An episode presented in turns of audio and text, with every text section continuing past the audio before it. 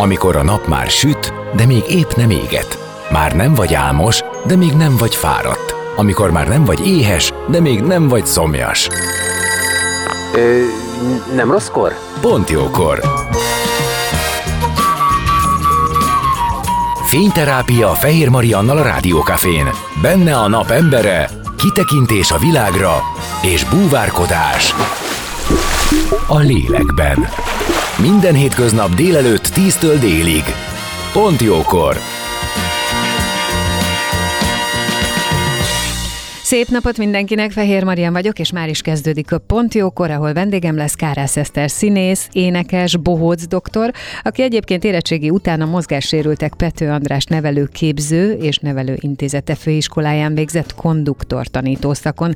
Később a Színház és Filmművészeti Egyetem drámapedagógia szakán másoddiplomázott, már gyerekként ismerté vált, játszott a Szamárkőgész című filmben, tagja volt a Kölyökidőnek, Eszterlánc zenekarával szórakoztatja és segíti a gyerekek zenei nevelését, pirosorbohóc doktorként pedig igyekszik vigaszt nyújtani a gyógyulásra váróknak. Sokoldalú, tehetséges, csupa mosoly és jókedv, ő lesz ma a napembere, és aztán marad az életünk dolgaiba is. Zene után már is kezdünk, maradjatok ti is. A napembere. Most jöjjön valaki, aki tényleg valaki.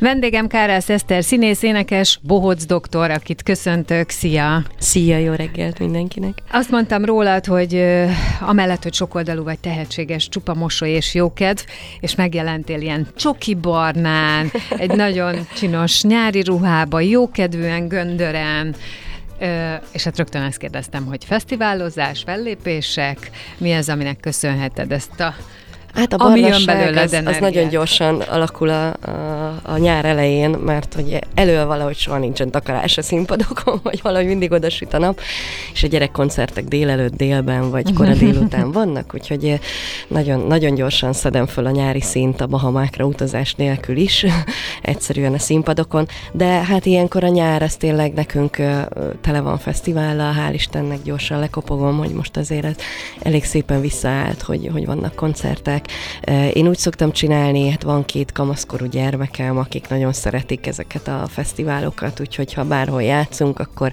viszem a sátrat, felállítjuk, és ott szoktunk maradni. Most Kapolcson végig is toltuk mind a tíz napot. Nagyon élvezték a gyerekek, Ördögkatlanon is vittük a sátrat, és egy, egy három napot ott, ott boldogan elfesztiváloztunk a nagylányommal, úgyhogy próbálom összekötni mindig a, a kellemest a hasznossal. Tehát anya dolgozik, és közben közben pedig van egy kis nyaralás, meg szórakozás a gyerekeknek. Meg, hogy már ők már nem az én gyerekkoncertemet nézik. Igen. Bár most Kapolcson a felnőttre szerencsére eljöttek, és ezt szerették nagyon, de, de hát azért nekik, nekik az, hogy ott a 30Y-on tombolhatnak az első sorba, ez, ezek az hát igazi nagy ezek élmények. meghatározó élmények. És tanulok van. tőlük én is tombolni, mert én nekem ez kimaradt az életemből, hogy hogy kell tombolni az első sorban. Miért? Nem tudom, hát illetve tudom, hát én akkoriban forgattam, amikor ebben a korban volt voltam, tévéztem, rohantam a rádióstúdiókból a, a, a, filmgyárba, vagy fordítva, szóval nem panaszkodom, nagyon, nagyon izgalmas élet volt, de ez a klasszikus kor, hogy, hogy megyek és pogózok az elefántra, amit most persze azért csak a széléről néztem, de azért most legalább láttam közelről kapolcson, hogy ez hogy van, ez nekem kimaradt, úgyhogy most tanulom a lányaimtól. Tehát, hogy akkor is dolgoztál, jó, szuper, mert hogy én is azt mondtam, hogy nagyon korán ismerté váltál, tehát a mikorosztályunk az a Szamár Kölgész című filmből ismerhet téged. Ugye ez az, amit veled kapcsolatban talán senki nem hagy ki, meg nem hagyja ki senki a, a kölyök időt, a Magyar Rádió hangjátékait, Szabó család, és így tovább. De ha ebbe egy picit visszamegyünk, csak azért, hogy érthető legyen, hogy hogy kerültél ebbe a közegbe? Én, nekem zenetanár édesanyám, majdnem mondtam, hogy volt, de hát tulajdonképpen még, még mindig itt-ott azért vannak tanítványai, és és hát ő, én egy művészoviba jártam, ennek megfelelően, ahova akkor a zenetanároknak, operaházi énekeseknek, színészeknek jártak a gyerekei, és, és hát én ott a, a, a színész gyerekekhez képest is egy ilyen tótumfaktum voltam az összes, összes ilyen húsvéti ünnepségen. Én akartam lenni a nyúl, és, és hát úgy látszott, hogy én úgy szeretem, hogyha néznek, vagy szeretek szerepelni. Most nem olyan régen meg is találtam a Kutvegyi Zsikével egy közös képet, mert az ő fia is oda járt, és hát persze mindig jött és segített a, ezekben az ünnepségekben, hogy ott vagyok hatalmas nyúlfülekkel, nagyon szomorú nyúlként mellette. És és hát anyukám látta, hogy ez nekem jó, és, és elvitte a Harlekin gyerekszínházba, meg elvitte a Magyar Rádió gyerek stúdiójába. A, ez, ez utóbbi, ez végig kísérte a, a, az egész életemet. Én tulajdonképpen azért tudok olvasni, meg azért vagyok ö, ö, kultúrára érzékeny ember, mert, mert annak idején oda, oda elvitt anyukám. Illetve nem is úgy kezdődött, hanem úgy kezdődött, hogy egy verses lemeznek a, a válogatójára vitt el, amit Szabó Éva szerkesztett, és hát akkor én szerintem nem voltam még hat éves, és egyáltalán nem tudtam olvasni, de a József Attila altatót és a Vörös Sándor száncsengőt azt kívülről tudtam, és, és akkor felálltam a, egy ilyen kis sámlira, hogy fölérjem a mikrofont, és, és bele mondtam ezeket a verseket, és Szabó Évának nagyon tetszett, ki is választott erre a lemezre, amin csak gyerekek mondanak verseket. Ez Szerintem akkor is kuriózum volt, de hát ma már el se lehet képzelni, hogy kiadnak egy ilyen lemezt. Csodálatos, néha visszahallgatom. És, és hát akkor született meg a, a életre szóló barátságunk Szabó Évával, én akkor át, átnéztem az üvegfalnak a másik oldalára, ahol ő a technikai helyiségben ült, és mondta, hogy, mondtam neki, hogy képzeld el, én vagyok a Kárász Eszter, és a Ponty utcában lakom. és hát ez egy olyan jó indítás volt, hogy aztán erről elkezdtünk beszélgetni, és, és nem hagytuk abba évtized évtizedekig. Volt egy műsorunk is, a Beszélgessünk című műsor, amiben én hat éves voltam, ő meg biztos, hogy már 56 fölött, és mégis úgy beszélgetett velem, mint hogyha egyenrangú partnerek lennénk, évekig ment ez a műsor, és, és visszahallgattam pár részt, egy fantasztikus figyelemmel és, és, és, és, és tényleg partnerséggel tudott olyan gondolatokat kihozni belőlem, amiket így most így visszahallgattam, és még most is csak tanulom ezeket, amiket akkor ilyen nagy magabiztossággal mondtam az életről, mind a hat évem összes bölcsességével. És hát Szabó Éva néni, aki később a legjobb barátom lett egészen a haláláig, nagyon szoros volt a kapcsolatunk. Ő, ő mondta anyukámnak, hogy hát itt van ez a rádió gyerek stúdió, itt jól fogja érezni magát az Eszter.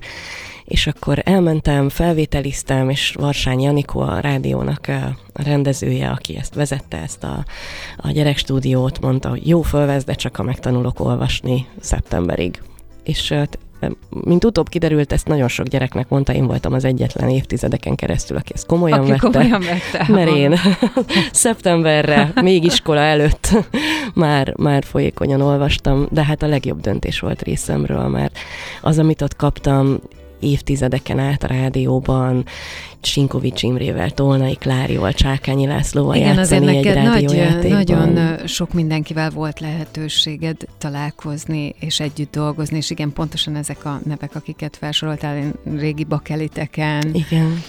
meselemezeken nagyon-nagyon meghatározóak a mi gyerekkorunk szempontjából hiszen az ő hangjukon szólalt meg nagyon sok szereplő, és ugye akkor azért nem volt 76 stream, meg nem tudom hány csatorna, sőt hétfőnként is viszonylag még adásszünet volt a tévében. Igen, igen, ez egy nagyon, nagyon érdekes, mert amikor ezekre így kitérek, akkor mindig azt gondolom, hogy Jézusom, de öreg. Tehát, hogy ez ma már elképzelhetetlen. Ilyet én is szoktam gondolni most.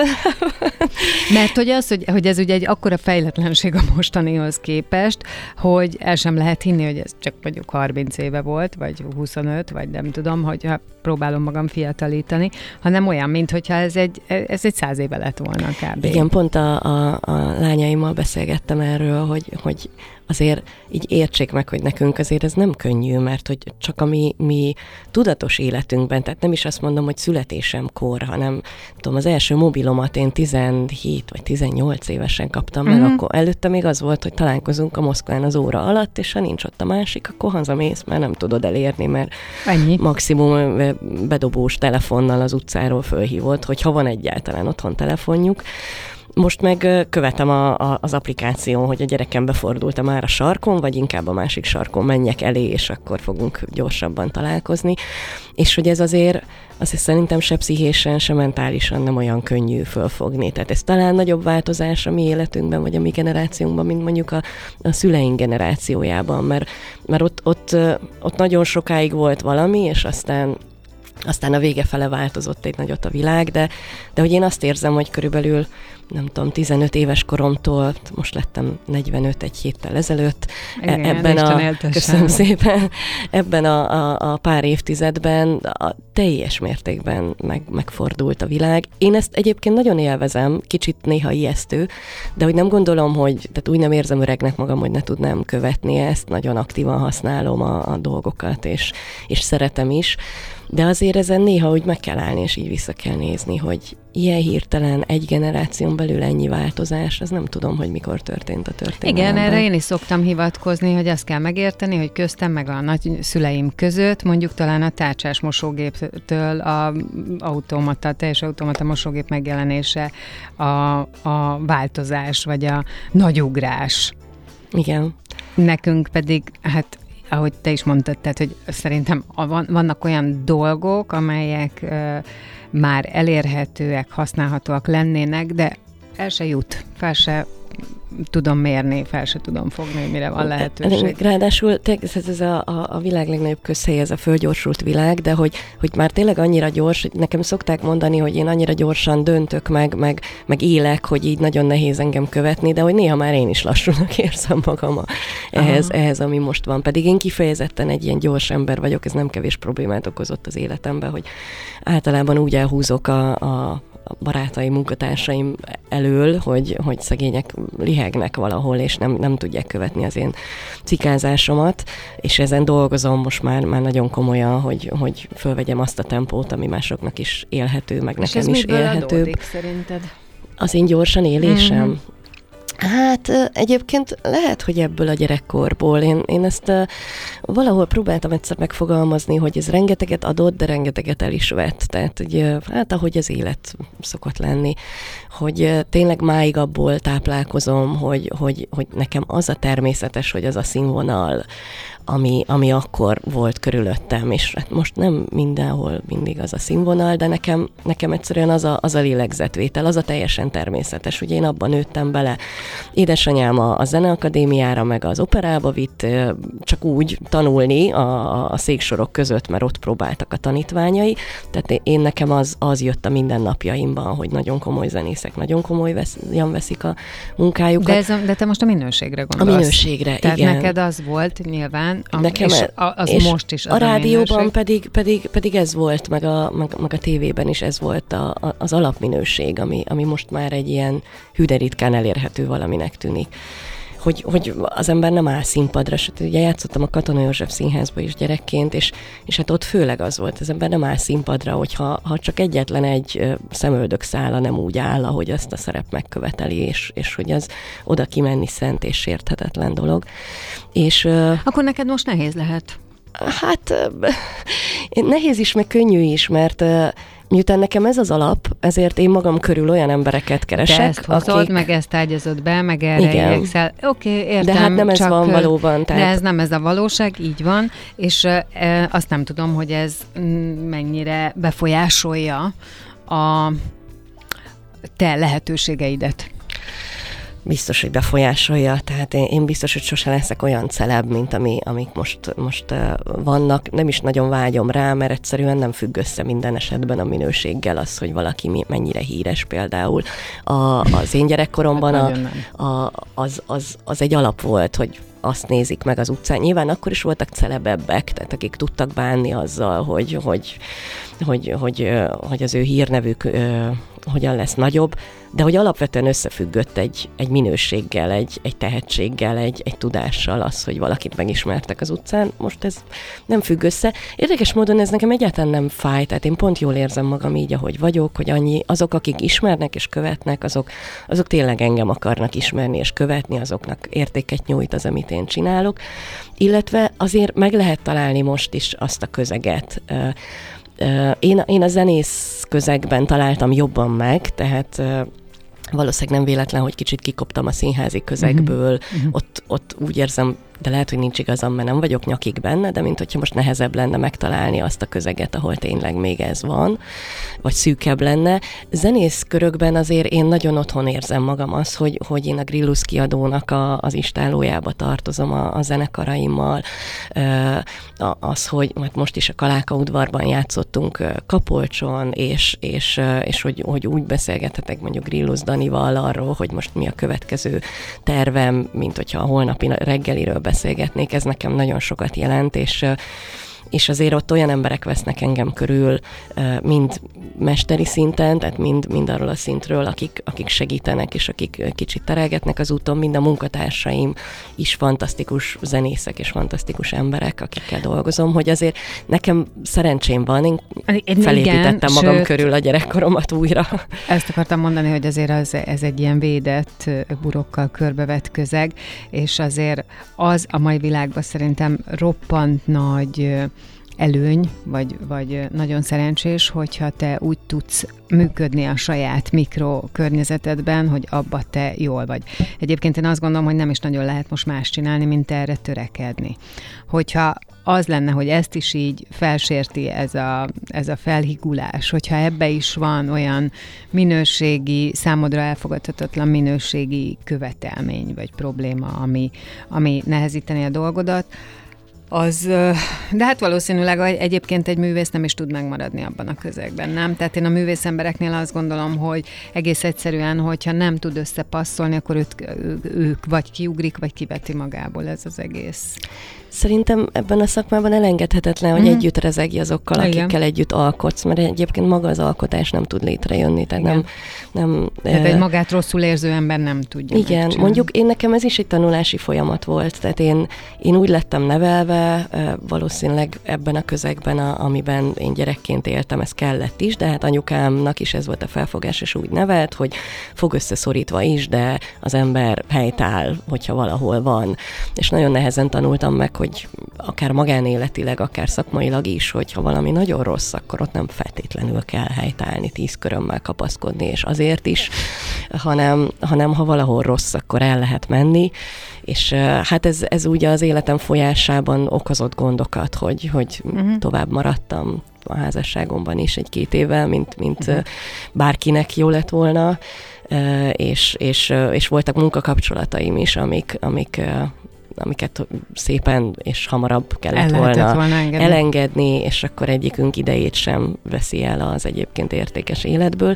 De én azt gondolom, Igen, ez hogy a ez összeszorítással ö, is végigcsinálni dolgokat, ez jellemző a mikorosztályunknak a tanult viselkedésére. Igen, nekem a, a, a leg, legfontosabb dolog, amit a gyerekeimnek így tovább akarok adni, nem van pár fontos dolog azon kívül is persze, de, de azt, hogy ha valahol rossz, akkor az abban nem kell. Ha valahol méltatlanul bánnak veled, ha valahol, valahol nem, nem több leszel a másik embertől, a, meg az ő, ő vele való kapcsolattól, hanem kevesebb, akár munkában, akár magánéletben, akkor ott nem szabad maradni, mert, mert értékesek, szépek, és, és, és megérdemlik azt, hogy az emberek megbecsüljék őket, meg ők is saját magukat. Én ezt nagyon nehezen tanultam meg, ez nekem nem volt evidens az életemben, és, és nagyon De jó szerinted elsajátítottad ez... már a leckét, vagy még most is vannak helyzetek?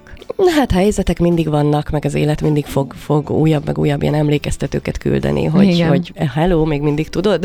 Igen. még mindig tudod, az Ez egyszer is az egyet. a helyzet. Szorzótáblába visszaugrunk, de, de azt hiszem, hogy most már tudom.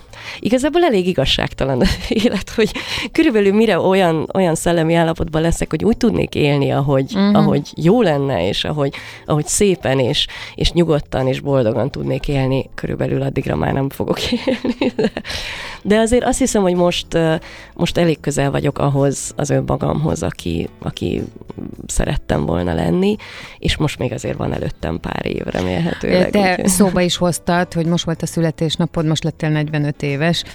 Bizonyos szempontból gondolom, hogy ez lelkileg is a számvetés ideje valamilyen módon, a születésnapok általában, de hogy ez a 40 és 50 között félúton ez, ez, ez meghatározó általában az embereknél. Meg, Te hogy élted? Meg, igen. Érdekes módon én a 40-től féltem nagyon, ennek egy ilyen nagyon gyerekes, nagyon-nagyon nevetséges oka van, még, még nyolcadikba vagy első gimiben elkapott egyszer a, egy aluljáróban egy ilyen cigányasszony, hogy ő ma jósol nekem, oh. és mondtam, hogy nem, nem, köszönöm szépen, én nem, de hát már addigra a kezébe volt a tenyerem, és így rácsodálkozott az életvonalamra, hogy jaj, de rövid, hát 40 éves kora előtt biztos meghal.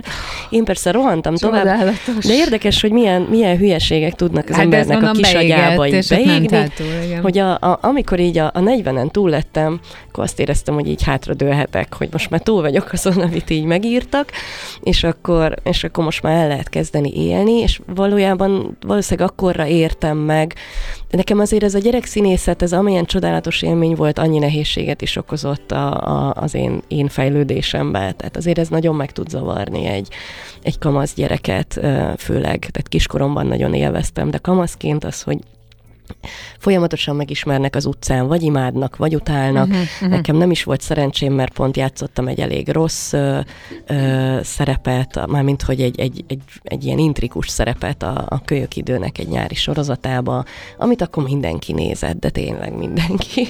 És ezért minden korosztályomban lévő ö, gyerek utált engem, hogy én nem hagyom a szerelmes párt összejönni, és én ott intrikázok, tehát kicsit ilyen akkor valahol olvastam, hogy a Jockey Ewingot játszó színészt megdobálták, akkor mély együttérzéssel uh, fordultam a, a, a hír felé, mert hogy velem is volt ilyen, hogy így, így, így megdobáltak hógolyóval, meg, mm. meg akkoriban versenyszerűen lovagoltam, és akkor ott így, így mondta barátnőm, aki, aki uh, ott nézett, hogy hát ott ketten is nagyon drukkoltak, hogy essek már le, és törjem el valamimet. Szóval, hogy voltak ilyen, amit így felnőtt adja, hát most büszkén hátradőlnék, hogy nagyon jól játszom a negatív szerepet, de, de akkoriban ha azért persze, ez, ez nehéz. Ez nehéz volt, és, és azért ebből akkor, akkor, amikor abba hagytam, akkor, akkor meg hirtelen nagyon nagy lett a csönd, akkor ezzel is kellett kezdeni valamit, akkor én nagyon visszavonultam a színháztól sok Volt évre. neked ebben segítséged? Volt valaki, aki ezen keresztül nem, vezetett, vagy nem. elmondta, hogy mi történik? Nem nagyon, nem nagyon, nem. Ez, ez akkoriban, tehát tényleg nagyon sok jót tudok mondani a kölyök időről is, mert, mert fantasztikus, hogy így gyerekeket uh, ilyen, ilyen, tehát hogy, hogy jó minőségű műsort csináltunk, nagyon izgalmas dolgokat, ma nincs ilyen, tehát ma az én gyerekeim nem tudnának ilyet nézni.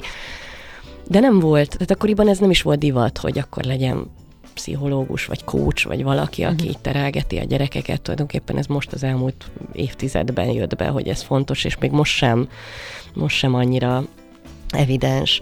Szóval nem, nem nagyon volt, ezt ilyen, ilyen eléggé, eléggé ilyen vakona a dzsungelben egy macsétával, egy olyan új mhm. kell vágni, kicsit úgy éreztem. De hogy most így utólag így örülök, tehát ezeknek is meg kellett történni velem, hogy az legyek, aki most vagyok, csak hogy ez azért így, így kicsit meg, meg eltolta az én, én fejlődésemet, tehát most egy picit sajnálom, hogy nem, nem tudom, 25 vagy, vagy 35 éves koromra értem be saját magamhoz úgy, mint most, 45 évesen, de kicsit meg nem sajnálom, mert, mert valószínűleg ezeket a harcokat meg kellett vívni, ezeket a mellékutakat le kellett járni, és akkor most ott vannak ezek az utak a lábamban, meg ott vannak azok a sebb helyek, és ezekkel együtt vagyok én. Nem biztos, hogy ez lennék, hogyha ez hamarabb ment volna. Ö, igen, de most ezzel, hogy mm, az jutott eszembe, hogy van benned néha olyan érzés, hogy miért csak mostanra tartok itt? Persze, persze. Akkor, a, akkor Kettővel meg, kevesebb őszhajszállal például sokkal akkor jobb lenne. Akkor hogy ez, és amúgy engem is megnyugtatsz, hogy ez nekem is van időnként helyzetekre, meg akár ö, valamin, valamilyen területnek a megugrására a fejembe, tehát hogy nem uh-huh. feltétlenül, tehát nem feltétlenül fizikai vagy anyagi javakról beszélgetünk, hanem hogy hanem hogy, hogy tehát néha én is el szoktam magamnak mondani, hogy tényleg, tényleg egy óvodás szintjén vagyok ebbe, vagy abba, vagy amatba, hogy tényleg ehhez ennyi kell, hogy más már ilyenkor rég sokkal felnőttebb, és ezek szerint ez egy létező dolog, hogy teljesen mindegy hány éves vagy, számon kéred magadon, és gondolsz valamit, hogy kellene valamilyennek lenni, mert a felnőttek azt úgy szokták.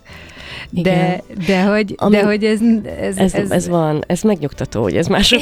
Igen, tehát hogy ez, ez nem így van, hogy ilyennek vagy olyannak lenni kell. Ami, ami nagyon sokat változott, most, hogy ezt így mondtad, hogy ez a számonkérést, ezt most már egyre nagyobb szeretettel csinálom magam felé. Az tehát, hogy, hogy valószínűleg ebben benne van az anyaságom is, tehát, hogy mm. Így, így a, ha tudom szeretni a két gyerekemet, és tudom hál' Istennek nagyon máshogy szeretni, mint ahogy engem szeretett a, a, az anyukám, ő engem egyedül nevelt, és hát ez sok nehézséggel járt, ami, ami uh-huh. azért rányomta a kapcsolatunkra a bélyegét. Én nagyon szerettem volna ezt máshogy csinálni, és most úgy érzem, hogy sikerült, és egy ilyen tényleg nagyon-nagyon erős és nagyon burok kapcsolat van a, a, a gyerekeimmel. És talán az ő, ő szeretésükön, vagy az ő jól szeretésükön keresztül elkezdtem megtanulni jól szeretni saját magamat is. Tehát, hogy most már úgy, most is van egy csomó minden, ami, amiben, amiben nem szeretem néha a reakcióimat, még mindig néha nagyon vulkánként tudok uh, működni.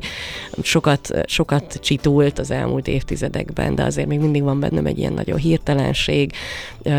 Egyre kevesebb szer, de amikor van, akkor megbocsátóan meg tudom simogatni a buksimat, hogy nem baj, legközelebb majd ez még, még jobban fog menni. jobban megy, igen. Igen, szóval szerintem ez például nagyon jó a, a korral.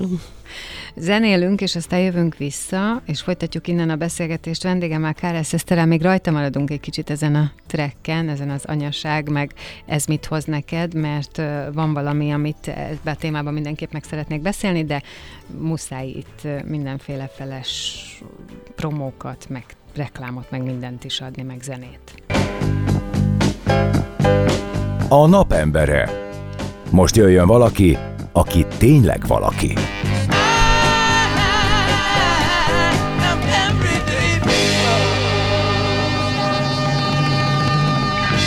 Vendégem továbbra is Kárász Eszter, ö, énekes, zenész, a színészt is mondom, bár ugye mondtad, hogy abból most már most egy jó ideje nem annyira vagy abba benne, de hát a bohóc doktorság is a te életed része, illetve a személyiséged része, és én azt ígértem a zene előtt, hogy még visszatérünk erre az anyaság dologra, meg arra, hogy te mondtad, hogy ez neked nagyon fontos, hogy te a saját szeretetedet úgy formáld meg a lányaid felé, hogy, hogy, hogy ez egy ilyen valóságos legyen, érezhető legyen, illetve hogy akár ezen keresztül magadat is jobban tud szeretni, magaddal is kiméletesebb legyél. És hogyha megengeded, akkor azt elmondom, hogy aki ismert téged a Facebookon, az láthat, hogy milyen szép ajándékot kaptál a lányaitól, hogy a nagyobbik lányod festett egy képet, ami Igen. ti hárman vagytok, a kisebbik lányod pedig egy saját maga által horgolt ukulele tokot Igen. adott neked.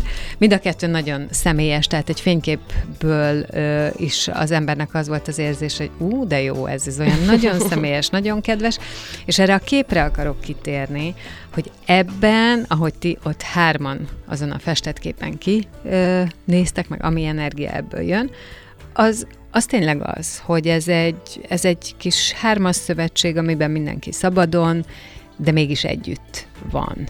Úgyhogy én csak ezt akartam neked visszajelezni, hogy szerintem ez, ez eh, érződik, hogy, hogy, hogy amit te szeretnél, azt hozod is, de mégis hajlamosak vagyunk arra, hogy magunkat bíráljuk.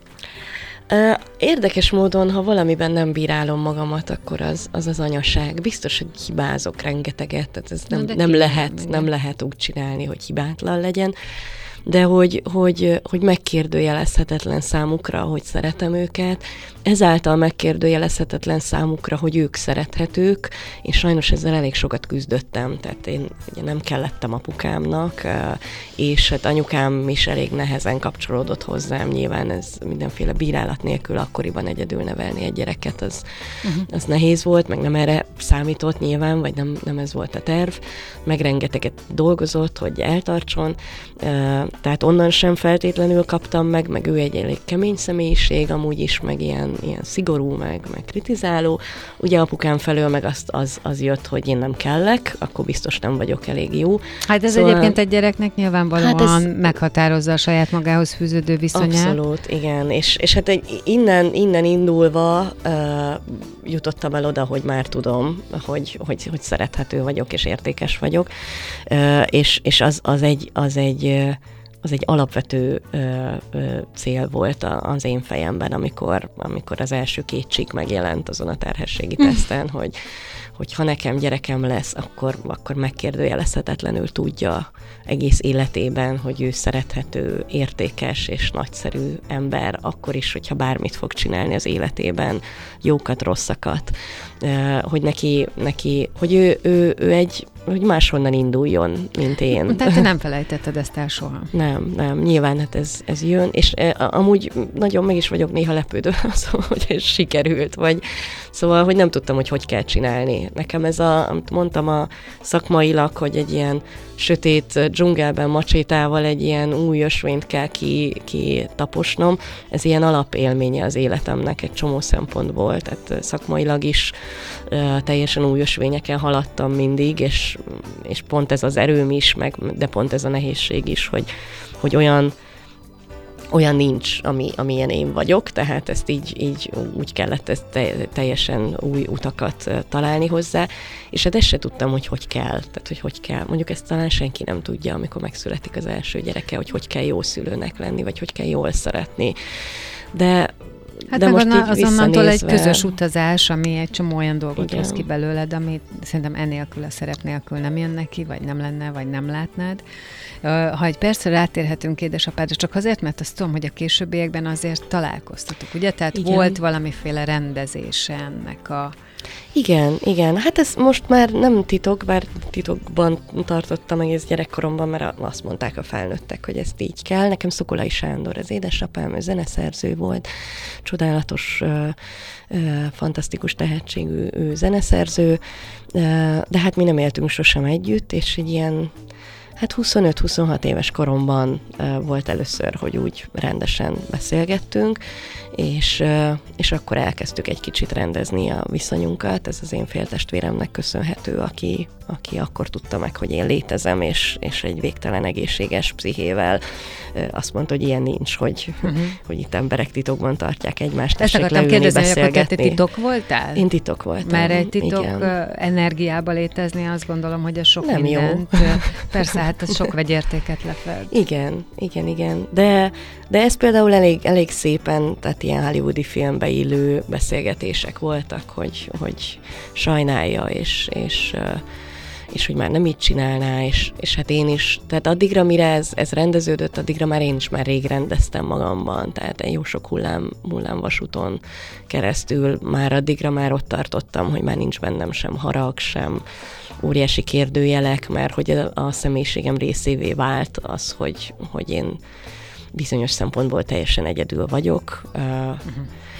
Lehet, hogy azért ezt, egyszer kérdezte valaki, hogy hát én tényleg ilyen extrémül próbálom árasztani magam körül a szeretetet, meg, meg, meg, a, meg, meg, meg, meg próbálok embereket gyűjteni magam köré, tehát, hogy ilyen, ilyen több, több, mint, több ez, mint, mint ami természetes lenne, ez valószínűleg valahonnan innen adódik, hogy, hogy ez egy gyerekkoromban amellett, hogy rengeteg csodálatos ember vett körül, tehát volt, volt szakmailag azért egy, egy pótlása ennek, ami otthon hiányzott, de hát azért otthon nagyon sok minden hiányzott. De te kerested? Tehát gyerekkorodban te kaptál ezekre válaszokat? Kerested az édesapádat? Ó, persze, persze, de nem volt egyszerű. Uh-huh, uh-huh. igen, igen, hát rengeteg, rengeteg kérdőjel volt bennem, amit szerettem volna megérteni igazából azt kell, hogy mondjam, hogy így felnőttem visszanézve, hogy azok a kérdések, amik bennem voltak, azok nem kaptak választ. Egyszerűen most már így így, így az én koromból visszamenve felnőttként mm. azt látom, hogy az ember nagyon furcsa jószág, tehát hogy, hogy az,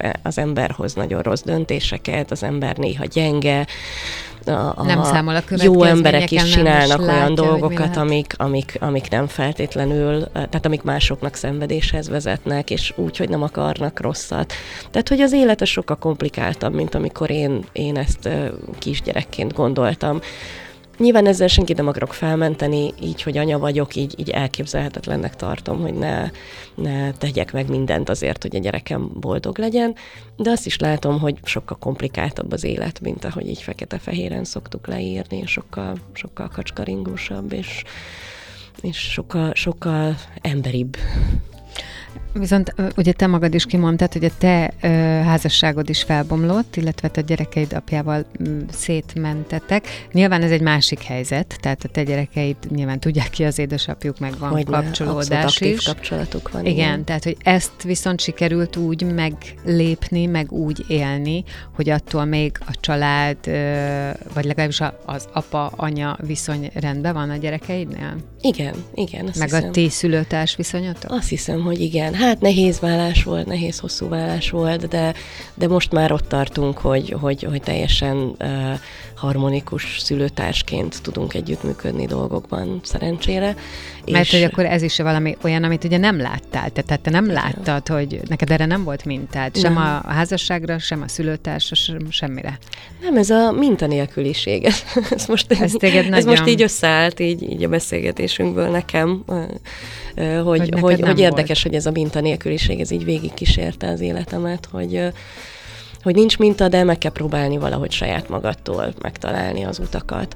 És ezt egyáltalán nem panaszként mondom, mert, mert ez, az én, ez az én útkeresésem, ez, ez annyira részem, és annyira része az én szakmai munkásságomnak is. Tehát, hogy az, az amit mondjuk én csinálok a, a színpadon, mondjuk egy gyerekkoncertben, hogy én ott egyszerre vagyok bohóc, esek, kelek, fölállok, elalszom a színpadon, alapvetően úgy kommunikálok a gyerekekkel, mintha pirosorban lennék, de nem vagyok abban de közben a saját dalainkat megírjuk, szóval, hogy ez valami olyan komplex, ami, nem, ami, ami csak én lehetek, és csak így lehetek én, hogy keresztül mentem ezen a sok mindenem, vagy a piáfestemben nem, nem tudnám úgy elénekelni ezeket a dalokat, hogy az első sorban, ha lenézek, akkor ott látom, hogy csor, csorog le egy könycsepp a valakinek a szeméből, ha én nem élem ezeket meg. A, most... Igen, én ezekre ki is akarok térni, hogy mi az, ami, ö, mi az, amit ez hozzátett, mert ugye most is azt mondom, amit egy órával ezelőtt, hogy közben, ö, amit én rólad mondanék, az a sokoldalú tehetség és csupa mosoly és jókedv. Tehát, hogy belőled azért ez jön. Ö, aztán, hogy ez most azért, mert ezeket megélted, és te mégiscsak szeretni akartad az életet, és haladni előre, azért, mert ilyen a személyiséged, bármiért, ez mindegy. A lényeg, hogy ilyen vagy. Zene, és utána mi jövünk vissza, és folytatjuk itt Jó. az életünk dolgaiba. Beszélgetünk a te életed dolgairól. Kárász Eszter a vendégem, maradjatok ti is. Pont jókor! Napfürdő Fehér Mariannal a Rádiókafén. És vendégemmel Kárel Szeszterrel, aki énekes, színész, bohóc doktor, és az elmúlt egy órában már nagyon sokat beszélgettünk róla, az ő életéről, hogy mi hogyan alakult, és ebben az órában pedig fogunk a különböző tevékenységeiről, tehát kitérünk arra is, hogy milyen is bohóc doktornak lenni, hogy milyen is az Eszterlánc zenekar, amivel szórakoztatja, és szerintem segíti a gyerekek zenei nevelését. Szóval még egy zene, és aztán utána jövünk, és egész órában itt lesz velem, maradjatok ti is.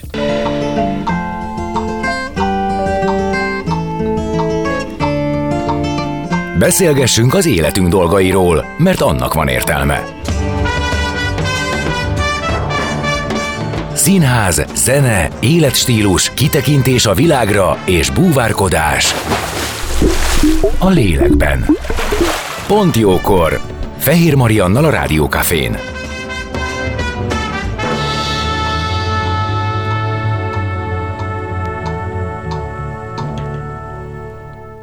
És vendégemmel Káresz Eszter énekes, színész, bohóc doktorral, akinek beszélgettünk az elmúlt egy órában az életéről, arról, hogy egészen kicsikortól kezdve te tulajdonképpen televízióztál, forgattál, színpadon álltál, zenéltél. Jó, ez annyira nem csoda, hiszen mindkét oldalról szüleitől komoly ö, zenei vénát örököltél, tehát hogy a tehetség az nyilván megmutatkozott. Mégis mégis a, az érettségi után te tulajdonképpen konduktor tanító szakra mentél. Igen, hát ennek egy ilyen nagyon egyszerű prózai oka volt, hogy nem vettek fel a színművészetire. Tehát már te akkor is megpróbáltad? Én, hát nem, nem is volt B-tervem, tehát nekem annyira evidens volt egy ilyen gyerekszínész élet uh-huh. után, hogy, hogy oké, okay, akkor színművészeti, utána leszerződök egy színházba, és akkor szépen majd onnan megyek nyugdíjba, vagy nem. Világosan, nyugdíj még szó még akkor Igen. nem jutott eszembe, de, de valami ilyesmi. És hát ahogy ez lenni szokott, szokott egyébként gyerekszínészekkel nem kevés szer, így az első felvételén azonnal koppantam egyet és hát borzalmasan összetörtem, tehát tényleg akkor, akkor az volt, hogy vége az életnek, és innen már nincsen tovább. Ebbe például szoktam kapaszkodni ebbe az érzésbe, hogy, hogy, hogy már éreztem ilyet, hogy, hogyha valami rossz történik az életemben, vagy éreztem ilyet, hogy, hogy nincs semmi kilátás, és tulajdonképpen ott kezdődött az életem, és, és hogy az ilyen rossz dolgok azok néha, néha utólag kiderülnek, hogy nagyon jók. És hát ezt el szoktam mesélni, mert tényleg így történt, és nagyon ritkán hiszi el bárki is, hogy hazafele bementem a főutcai könyvtárba, ez felvételi időszakban kint van ilyenkor a felvételi tájékoztató, vagy most már gondolom online van minden, de hát akkoriban volt egy ilyen vaskos könyv, mhm. felvételi jegyzék, minden, minden létező főiskola és egyetem benne volt kis leírással, és zokogva, elmosódott szemfestékkel, taknyosan, tényleg összetörve bementem szegény könyvtáros néninek az arcára is emlékszem, hogy gyakran jártam oda, és nagyon szerettük egymást, és nem mert hozzám szólni annyira, sugárzott belőlem az életfájdalom, és fölcsaptam a felvételi tájékoztatót csukott szemmel, és rábögtem egy oldalra, és mondtam, hogy én akkor oda megyek, és soha többet színházba a lábamat se teszem be, és ott nyílt ki, hogy mozgássérültek Pető András nevelőképző és nevelőintézete. Most már egy rövidebb neve van, és azt hiszem a Szemövejsz Egyetemhez csatlakozott, de Igen. akkoriban ez egy külön főiskola volt. A Pető módszerre alapulva mozgássérült gyerekeket tanított ez a főiskola, illetve hát a, a konduktorokat képezte. Fogalmam nem volt, hogy ez micsoda, de elég, elég makacs állapotomban voltam, úgyhogy tényleg elmentem felvételizni, és ahogy az olyan sokszor történt az életemben, hogy amikor így, így elfordulok, miután neki mentem 14-szer a falnak, hogy majd én ott át tudok menni, akkor elfordulok, és kiderül, hogy ott viszont egy ilyen vörös szőnyeg van leterítve az ajtón kifelé, mert arra van az én utam, maximális pontszámmal fölvettek, és hm. és én négy évet ott eltöltöttem a főiskolán, el is végeztem, és utána még jó pár évig dolgoztam is konduktorként, de ugye mi már rögtön dolgoztunk, tehát ez a főiskolai képzés, ez, ez úgy zajlott, hogy vagy, vagy délelőtt vannak órák, és délután gyakorlat, tehát már bent vagy a mozgássérült csoportokban, és dolgozol, vagy fordítva. tulajdonképpen én előbb voltam gyakorlaton, mint, mint, mint órán, amikor elmesélik, hogy mi, mi is az, hogy mozgássérült gyerek. És hát azt kell, hogy mondjam, az életemet változtatta meg. Tehát így, így... Te várj egy pillanatot, mert azért ez egy olyan terület, ahova komoly elhívódásból megyünk. Tehát semmiképp sem azért, mert éppen rábögtünk. Tehát lehet, hogy akkor a, a legtöbb ember azt mondja, hogy na, jó, még egyszer átpörgetjük azt, és újra. Tehát, hogy itt, itt ugye kiszolgáltatott embereknek a, a, ahhoz ért, hogy jobb legyen az ő életminőségük, ahhoz, tehát szükség van minden benned rejlő szeretetre, segíteni, ez, akarásra. Én, én nem vagyok egy Nem ilyen... riasztott semennyire? Egyáltalán nem. Nem, ez nagyon logikus volt számomra akkor, hogy itt nyílt ki, miután kiolvastam, hogy ez egyáltalán micsoda. és Aha, tehát te megtaláltad magadban. Én, én abszolút, tehát nyilván nagyon gyorsan, tehát valószínűleg elmentem volna, felvételiztem volna, és, és egy hónap után kibuktam buktam volna, hogyha uh-huh. ha, ha nem találtam volna ott rettenetesen önazonosan meg saját magamat. Uh, nagyon szépen összeálltak a dolgok, uh, azóta is ilyen csodálva nézem az életet, sorsot, Istent, bárki bárhogy hívja, hogy így, hogy milyen, milyen gyönyörű dramaturgiai érzékkel Igen. tudja terelgetni az ember. Én nekem gimnáziumban egy, egy izomsorvadásos lány volt a legjobb barátnőm, máig nagyon jó kapcsolatban vagyunk, és így követjük egymás életét, aki tolószékben volt már akkor, és, és, és hát nagyon sokszor mentünk, jöttünk együtt, tehát ez nekem egyáltalán nem volt idegen, hogy valakit valamilyen módon segíteni kell, uh-huh. aki korlátozott a mozgásában, ellenben nem éltem volna túl a gimis utolsó éveket, hogyha ő nincs, tehát uh-huh. hogy amit, amit, amit elvett valahol az élet, azt meg, meg szellemileg, meg, meg humorérzékben, meg minden, sok mindenben meg, megadta. Látod, ehhez is nagyon tudok kapcsolódni, nekem az egyik legjobb barátnőm kerekesszékes, de hát hogy akkor... én nála jobb jövőt. Szórakoztatóbbat, ha bármi bajom van, akkor nekem kapaszkodó igen, bele igen. csak felvenni a kapcsolatot. Egyébként pedig nyilván nagyon, nagyon, tehát sok szempontból nagyon passzoló, és per, per, pesgő barátság ez, úgyhogy én ezt nagyon értem, igen. Hát így, így tehát ugye ez, ez tulajdonképpen logikus se tette, illetve én, nekem a, a, aztán főiskola első évében halt meg nagymamám, aki előtte három-négy évig kórházban volt, mert nem tudtuk hazavinni, mert állandó ellátásra szorult, és, és hát én napi háromszor jártam be a kórházba, comnyaktörése volt, tehát már nem tudott lábra állni, őt is tettem át a tolószékbe, meg, meg, meg, meg, meg szedtem ki ott mindenféléből a, a kórházba, meg etettem, meg meséltem, meg próbáltam tartani benne az életkedvet, hogy minőségi legyen ez a, a, a kórházban töltött ideje. Tehát valahol nagyon válaszolt ez, uh-huh, a, uh-huh. ez a kinyíló adott felvételi tájékoztató az én akkori életemre. Magamtól valószínűleg nem jutott volna eszembe, de, de tényleg nagyon hálás vagyok a bárminek is, hogy, hogy ilyen, ilyen gyönyörűen terelgetett nagyon nehéz négy év volt, tehát azért ez egy nagyon nehéz szakma, és, és utólag is az összes szeretetemmel és, és, és elismerésemmel üzenem az összes konduktornak, hogy, hogy fantasztikus, amit csinálnak. És nagyon nagy szükség van rájuk, igen, és egyébként én úgy tudom pont ö, e, en, ebben az intézetben is, hogy csodálatos a konduktorképzés. Igen, igen, igen, és ö, hát én nagyon sokat köszönhetek annak a négy évnek, illetve hát utána én dolgoztam főleg külföldön, Csikágóban, meg Franciaország országban évekig konduktorként, és, és az akkori konduktormesterem, vagy aki, akivel így együtt mentünk, fantasztikusan egyben tartott nem csak a konduktív tudásomat, hanem úgy, úgy emberként is. Azért akkor álltak újra össze a, a, mhm. azok, hogy mi, mi az igazán fontos az életben, hogy, hogy hol vannak a hangsúlyok. Azért végignézni egy gyereket, aki, sőt, hát ugye mi felnőttekkel is dolgoztunk, tehát, hogy gyereket, felnőttet, akinek nagyon nagy nehézséget okoz egy-egy számunkra teljesen természetes mozdulat megtétele, és, és mégis legyőzi az összes összes nem akarást, az összes fájdalmát, az összes, összes feladását, és csinálja, és naponta újra csinálja egész addig, míg egy egészen apró picike változás meg nem jelenik, és hogy egy ilyen apró picike változásnak milyen hihetetlenül tud az ember örülni, hogy, hogy már már jobban kinyúlik a könyöke, és akkor még mindig nem az van, hogy megfogta a poharat, és iszik belőle egy pohár vizet, ami nekünk a világ legtermészetesebb dolga. Hm. Csak annyi van, hogy már egy kicsit jobban kinyúlik a könyöke, tehát lehet, hogy egy három hónap múlva már egyedül meg fogja tudni fogni a poharat. Nekem ezek óriási tanítások voltak, hogy, hogy milyen hihetetlen sok küzdelem van egy-egy természetes dologban is. Hogy hogy lehet szeretni ezt a küzdelmet, hogy hogy, hogy lehet úgy csinálni, hogy ezt nem is küzdelem munkaként éli meg az ember, hanem egyszerűen ezek a mindennapjaim.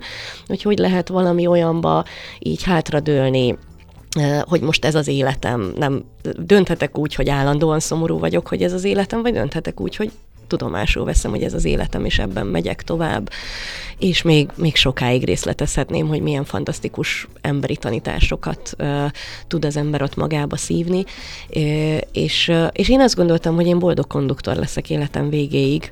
Amúgy egyébként ott is nagyon nagy szükség van erre a színészi energiára, ami, ami jön belőlem. Tehát a, a konduktív pedagógia az nagyon sokat dolgozik motivációval, tehát a, a, a, a, kiállsz a gyerekek elé, és gyakorlatilag egy komplet báb előadást lenyomsz azért, hogy ők aztán egyszer csak kinyújtsák a kezüket a báb felé, vagy mm. most nagyon leegyszerűsítem de természetesen, értem. de hogy, hogy nagyon komoly része a motiváció. Motiválnod kell azért, hogy ezt És ahhoz abban én megtaláltam az összes, összes ilyen fölös színészi energiámnak a helyét, hogy, hogy, hogy ott Sőt, azt hiszem, hogy ott tanultam meg azt, hogy ennek, ennek sokkal fontosabb helye is tud lenni, mint hogy, mint hogy nem tudom, most nem lebecsülve természetesen mondjuk az operetnek a szórakoztató hatását, de hogyha mondjuk áttáncolok a színpadon egy operetben, ugyanezt a, a, a színészi uh, kisugárzást, ezt, ezt használhatom gyógyításra is. És azt hiszem, hogy innen vezetett egyenes út a bohóc doktorsághoz.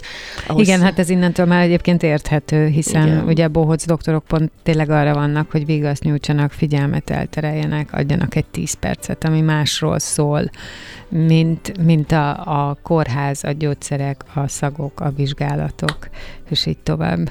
Igen, sőt, hát ö, ugye én most már 20 éve dolgozom a Pirosor Bohoz Doktorok Alapítványnál, nem, 21, olyan rég mondom, hogy 20 közben telt egy év, és, és hogy abszolút ugye az a, az a mottoja a, a, az alapítványnak, vagy a Bohoz Doktorságnak, hogy a nevetés gyógyít, és hogy, hogy, hogy ezt a mottót én minden nap tényleg látom megvalósulni. Azt, hogy, hogy, hogy amikor, amikor csökken a félelem egy gyerekben, aki bent van a kórházban, amikor egy picit a szorongást elengedi, és helyette megint csak színes lesz a világ, pedig ott van egy olyan közegben, ahol minden rossz neki, mert ott minden rossz, tehát ott olyan a dolgokat csinálnak egy gyerekkel, amit ő nem szeretné, hogy csináljanak vele. Egy olyan közegben van, ami, ahol egyáltalán nem szeretne lenni, és mégis ebben a közegben is meg lehet találni vele a játék lehetőségeket, az öröm lehetőségeket, és amint ezt megtalálja, ez most már orvosilag is kimutatható, hogy nő a télinfociták száma a vérében, elkezd dolgozni az immunrendszere, és aktív részese lehet az őt gyógyító folyamatnak, és ő is beszállhat. Tehát az öngyógyító erőit ilyenkor az ember föl tudja egy kicsit éleszteni, és, és gyorsabban mehet haza a kórházból, gyorsabban gyógyulhat. Az ilyen helyzetekre van fix előadásod, terved, vagy nagyon adja az a, tehát nagyon személyre szabott adja a helyzet, hogy mi az, amit előhúzol a, a kelléktáradból. Ez száz százalék improvizáció, egy ilyen doktori munka.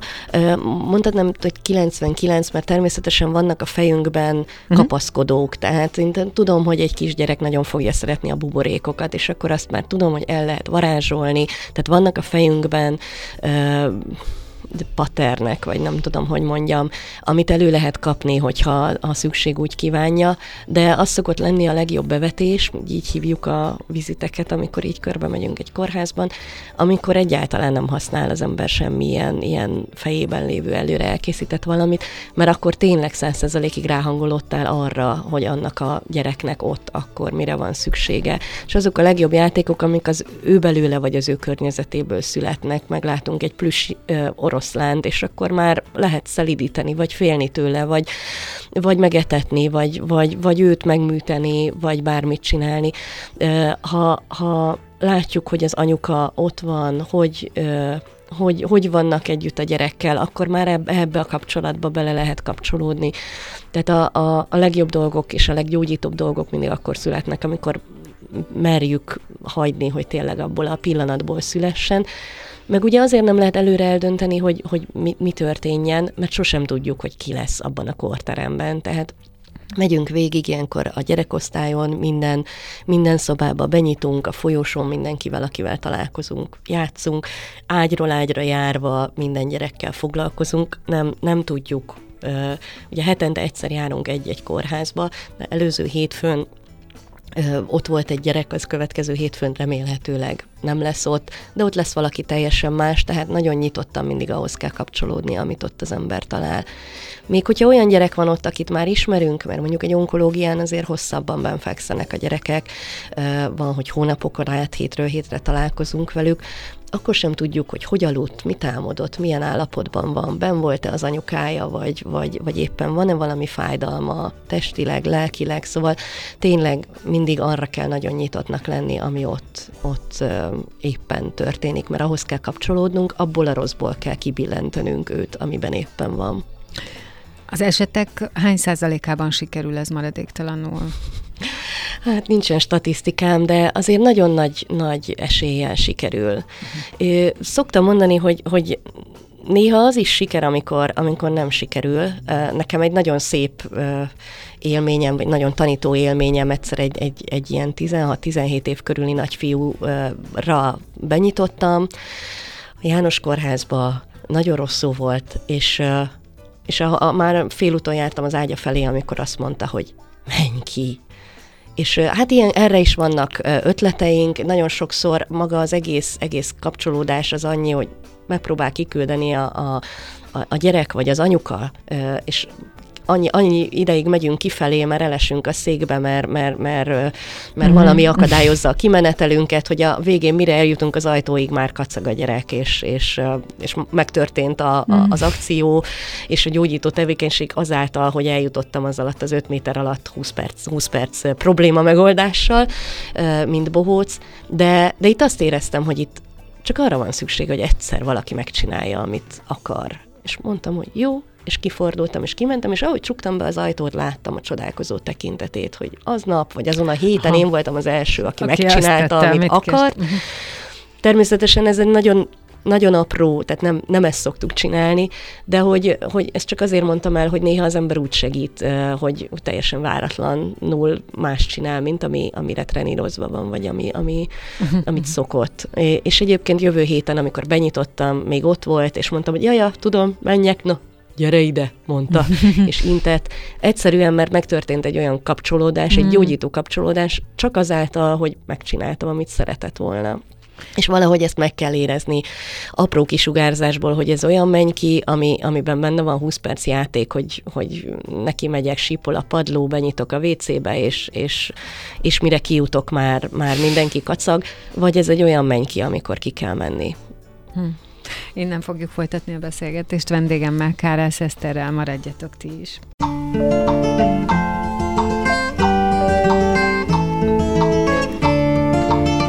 Beszélgessünk az életünk dolgairól, mert annak van értelme. Színház, zene, életstílus, kitekintés a világra és búvárkodás. A lélekben. Pont jókor. Fehér Mariannal a Rádiókafén.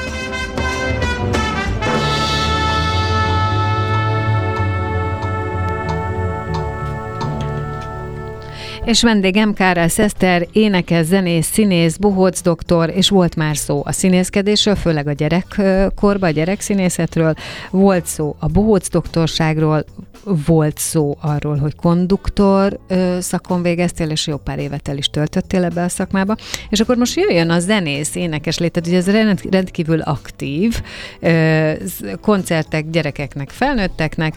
Az Eszterláncról beszéljünk egy kicsit, ez ugye a, én azt mondtam, hogy szórakoztatja és segíti a gyerekek zenei nevelését. Belenéztem jó néhány koncert felvételbe a, a neten, és hát igen, én is azt tapasztaltam, amit te mondtál, hogy te egyszerre minden vagy.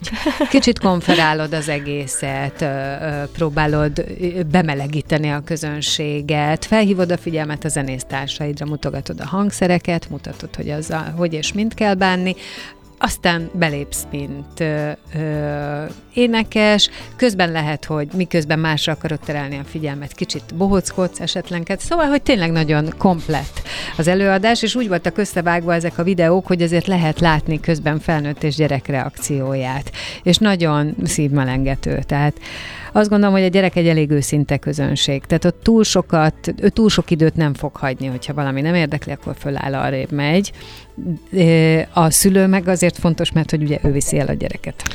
Én ezt, amikor, amikor a zenekar alapult, akkor nagyon fontosnak tartottam, akkor picik voltak az én gyerekeim, és hát egy csomó olyan, olyan programra vittem őket, ahol így nagyon élveztem, hogy ők élvezik, de én nekem olyan sokat nem adott felnőttként, tehát ez egy ilyen nagyon nem rejtett cél volt, hogy, hogy olyan koncerteket csináljunk, ahol felnőtt gyerek, nagymama, nagypapa és, és egész kis unoka is jól érzi magát mert a, hát a felnőtt is azért jön oda, hogy kapjon valamit. És hát ehhez, ehhez mérten próbálunk szövegeket választani, ugye a zenekar születése környékén varrodani szövegei voltak a, a túlnyomó többségben, és, és hát egészen más humorát érti egy gyerek, és, és, és más szintjét érti egy felnőtt, tehát máig az egyik leg, legsikeresebb dalunk a, az a Varodani altatója, amire, ami az első dalom tulajdonképpen, azt én teljesen spontán egy éjszaka alatt nagyon gyorsan kellett megzenésíteni, mert másnap föllépésünk volt a Danival,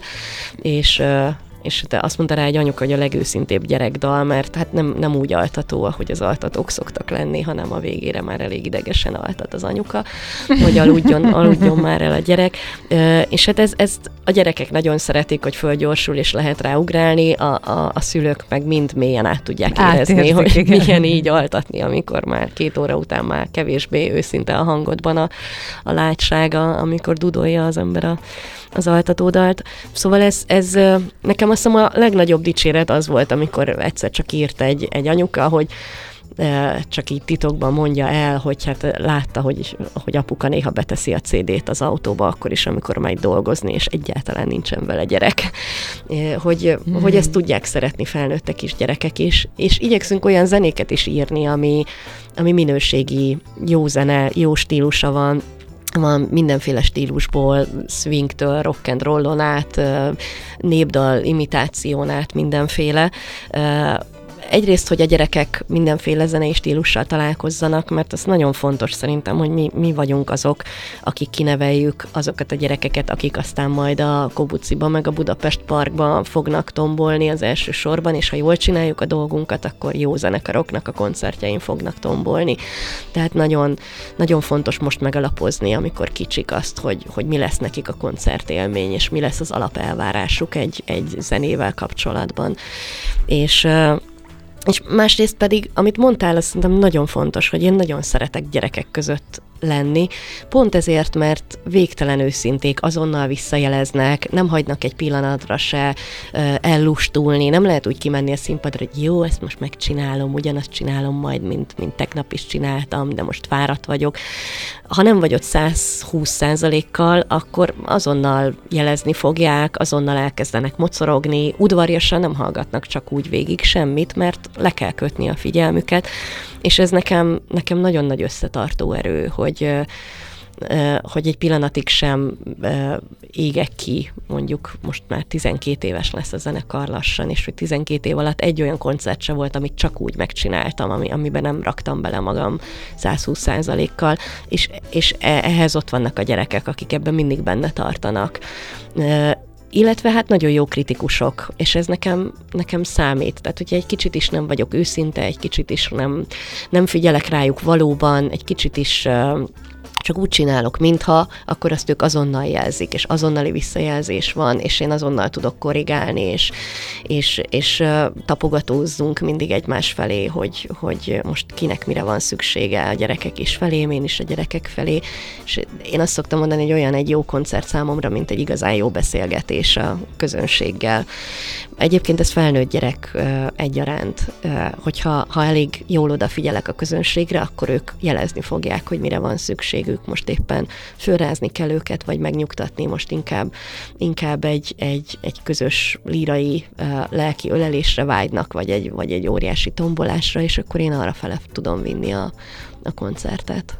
Érdekes dolog az, hogy neked mit ad a közönség, illetve az, hogy a közönségnek mit adhat a zenéd, de engem az is érdekel, hogy nektek zenészeknek, és nyilván most ez esetben neked, mit ad a zene, a zenélés lehetősége, a hangszerek használata?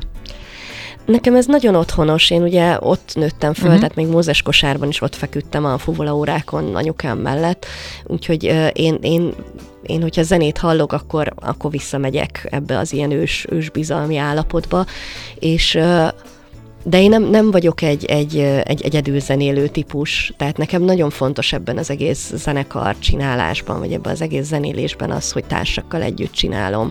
Ahogy Bohoz doktorként is párban járunk, és dobáljuk egymásnak az ötleteket, és inspiráljuk egymást, és, és, és változtatunk egymáson, és ez az egész egy ilyen ide-oda ö, ö, járó energia közöttünk. Én így élem meg a, a, a a zenélést is. Nagyon fontos nekem az, hogy, hogy, hogy, hogy jó és, és nyitott és, és tehetséges zenészekkel vettem körül magam, és, és dobálják nekem az impulzusokat. Nagyon sokszor változnak a dalok, akár ott a koncerten is, mert valaki egy olyat játszik bele, mert éppen az jön belőle, ami engem elkezd inspirálni valami másra, és akkor, akkor születik egy olyan szóló, vagy, vagy valami olyan, olyan hang vagy, vagy dalrészlet, ami egyébként sose született volna meg. Épp ezért én nagyon, nagyon nyitottan és nagyon szabadon hagyom a, a, az én zenészeimet, hogy érezzék, hogy ők is alkotói a daloknak is, meg, meg ennek az egész közös energiának. És nagyon figyelek rájuk, és nagyon próbálom én is dobálni nekik az impulzusokat, a, hogy ez az egész egy nagy közös alkotás legyen. Én, én ezt azt hiszem, hogy egyedül nem tudnám, tehát sose voltam szólista alkat, de nekem erre nagyon nagy szükségem van, hogy, hogy, hogy közösen, hogy össze tudjunk mosolyogni, hogy, hogy repíthessen az az energia, amiben érzem, hogy ők is most éppen nagyon boldogok, és én is nagyon boldog vagyok, és akkor a közönség is nagyon boldog. Egyszer egy, egy néző mondta, hogy annyira jó nézni, hogy jól érezzük magunkat a színpadon, tehát hogy nem fog összeszorítva lejátszuk uh-huh. brilliánsan ugyan, de, de nem, nem annyira kitörő élvezettel a, a műsort, hanem hanem, hanem fantasztikusan jól érezzük magunkat benne.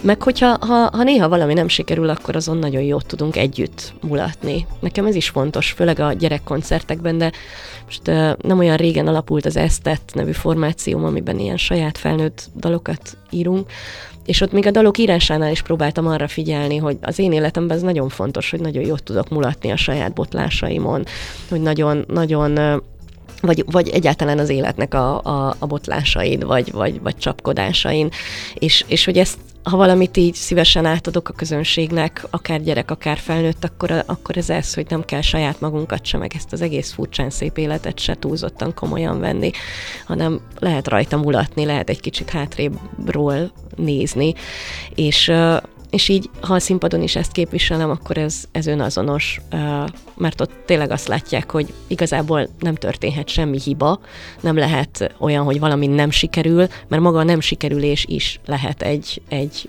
egy alkotási pont.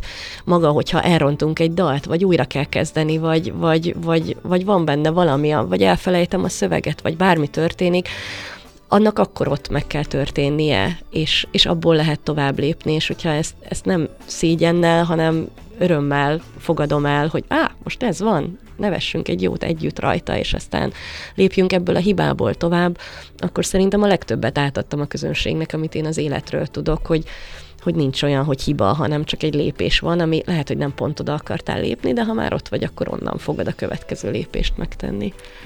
Mi az, amit te szeretsz hallgatni szabadidődben? Tehát kik azok, akik te szeretsz, kik azok, akik hatnak rád, akár külföldiek, akár magyarok? Uh, nagyon-nagyon szeretem Zazt, valószínűleg ebből a piáfos uh-huh. életérzésemből következik is, ugye ő is nagyon sok piáv dalt, meg feldolgozást is énekel.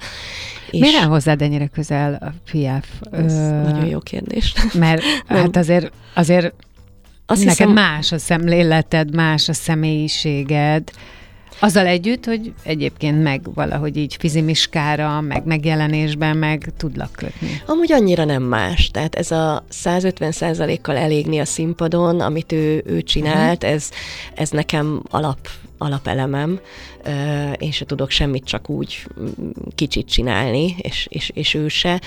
Illetve hát ez a végtelen betölthetetlen szeretetvágy, ami benne volt, ez okay, nekem nagyon, nagyon érthető. Okay. Másképp használom Másképp. az én életem igen, nehéz igen, történéseit, igen. mint ő, ez, ez tény, és ezt nagyon szeretném, hogy így is maradna, mert az életem nem szeretném hasonlítani hozzá, de de nekem ő egy kicsit egy ilyen földön túli mester, aki így, uh-huh. így, így kézen fog és visz, és tudok vele beszélgetni a koncerteken. Úgyhogy azt hiszem, hogy Zaz, hát magyarok közül meg most, hát most 30 Y-t hallgatunk a gyerekekkel állandóan, mert nagyon nagy rajongók, és ezt nagyon boldogan teszem, mert, mert, mert nagyon, nagyon szeretem, amit Begzoli képvisel szövegileg, zeneileg, energiailag a, a, a színpadon. Illetve hát most furán fog hangzani, de én néha berakok még mindig kalákát, nem elsősorban a gyereklemezeiket, de, de például, hogyha rossz kedvem van, akkor, akkor berakom az autóba Szabó Lőrinc lemezüket, és, és pont a múltkor fordult elő, hogy lehúzott ablaknál üvöltöttem a, a kaláka fölhangosított lemezzel, hogy szeretlek, szeretlek, szeretlek, és valaki átszólt a piros lámpánál, hogy én is téged. szóval ilyen mulatságos találkozásokra is alkalmat ad. Nagyon-nagyon-nagyon szeretem azt az energiát, ami az ő zenéjükből jön. Tudom, hogy nem, nem vagyok annyira progresszív ezzel, de, de azt hiszem, hogy, hogy nekem ez nagyon fontos, hogy, hogy, hogy, hogy a kaláka egy olyan, olyan minőség, meg energia, ami, ami számomra most is, meg, meg 40 évvel ezelőtt is ugyanazt jelentette. Mi az, ami még vár rád? Itt az őszi nem tudom én, hajtás, beindulás szezon kezdet előtt, bár azért nektek inkább a nyára. A, de ez nagyon nehéz is megmondani, hogy egy zenésznek pontosan mi a szezon, mert is is. De hogy van-e még pihenés, igazából ezt akartam kérdezni. Ö, hát most már itthon leszünk, ez a két fesztivál, ez azért a, a, a pihenést ezt kimaxolta ö, időben is, meg van most már azért tennivaló, ö, de azért itthon, itthon van egy csomó tervünk, amit fölírtunk, hogy Budapesten turistáskodunk a gyerekekkel, ö, és megnézzünk olyan dolgokat, ami mellett általában el szoktunk Legyél szaladni. a saját városodban, igen, igen. én ezt nagyon szeretem, és ezt rendszeresen játszuk a gyerekekkel, ö, úgyhogy lesz, lesznek lesznek múzeumok, meg, meg, meg piknikek, meg ilyesmi, amit még velük csinálunk. Illetve hát nagyon izgalmas és jó, jó koncertjeink lesznek, lesz, nem tudom, hogy szabad-e időpontokat mondani, de lesz augusztus 25-én Erzsébet ligeten egy szabadtéri Piaf koncertünk, ezt Pesten mostanában elég ritkán játszuk, úgyhogy, úgyhogy nagyon örülök, hogy, hogy oda el tud jönni mindaz a sok ember, aki szokta kérdezgetni, hogy mikor lesz közel Pesthez. Lesz, leszünk Budaörsön az év, évadindító Idesűs Fesztiválon az Eszterlánc mesezenekarral, szeptember másodikán, és, és hát még nagyon sok izgalmas dolog születik, illetve hát nagyon várjuk, megyünk egy amerikai turnéra zenekarral szeptember végén, New Yorkban és Washingtonban is fogunk játszani magyar közösségeknek, ez, ez, ez már nagyon régóta készül, és nagyon sokat dolgoztunk rajta, hogy összejöjjön, úgyhogy nagyon türelmetlenül várom. Hát csak azt tudom mondani, amit az elején sokoldalú, tehetséges, csupa mosoly és jókedv, színes és pörgés. Ez, ez Elfogadom az... mindegyiket, köszönöm szépen. Ez az, ami, ez az, ami vagy te, te, ez az, ami vár rád, és én nagyon örülök, hogy itt voltál, én és is. köszönöm szépen. Nagyon köszönöm. Kárász Eszter, színész, énekes, bohóc doktor volt a vendégem ma itt a Pontjókorban, ami ezzel egyébként véget is ért.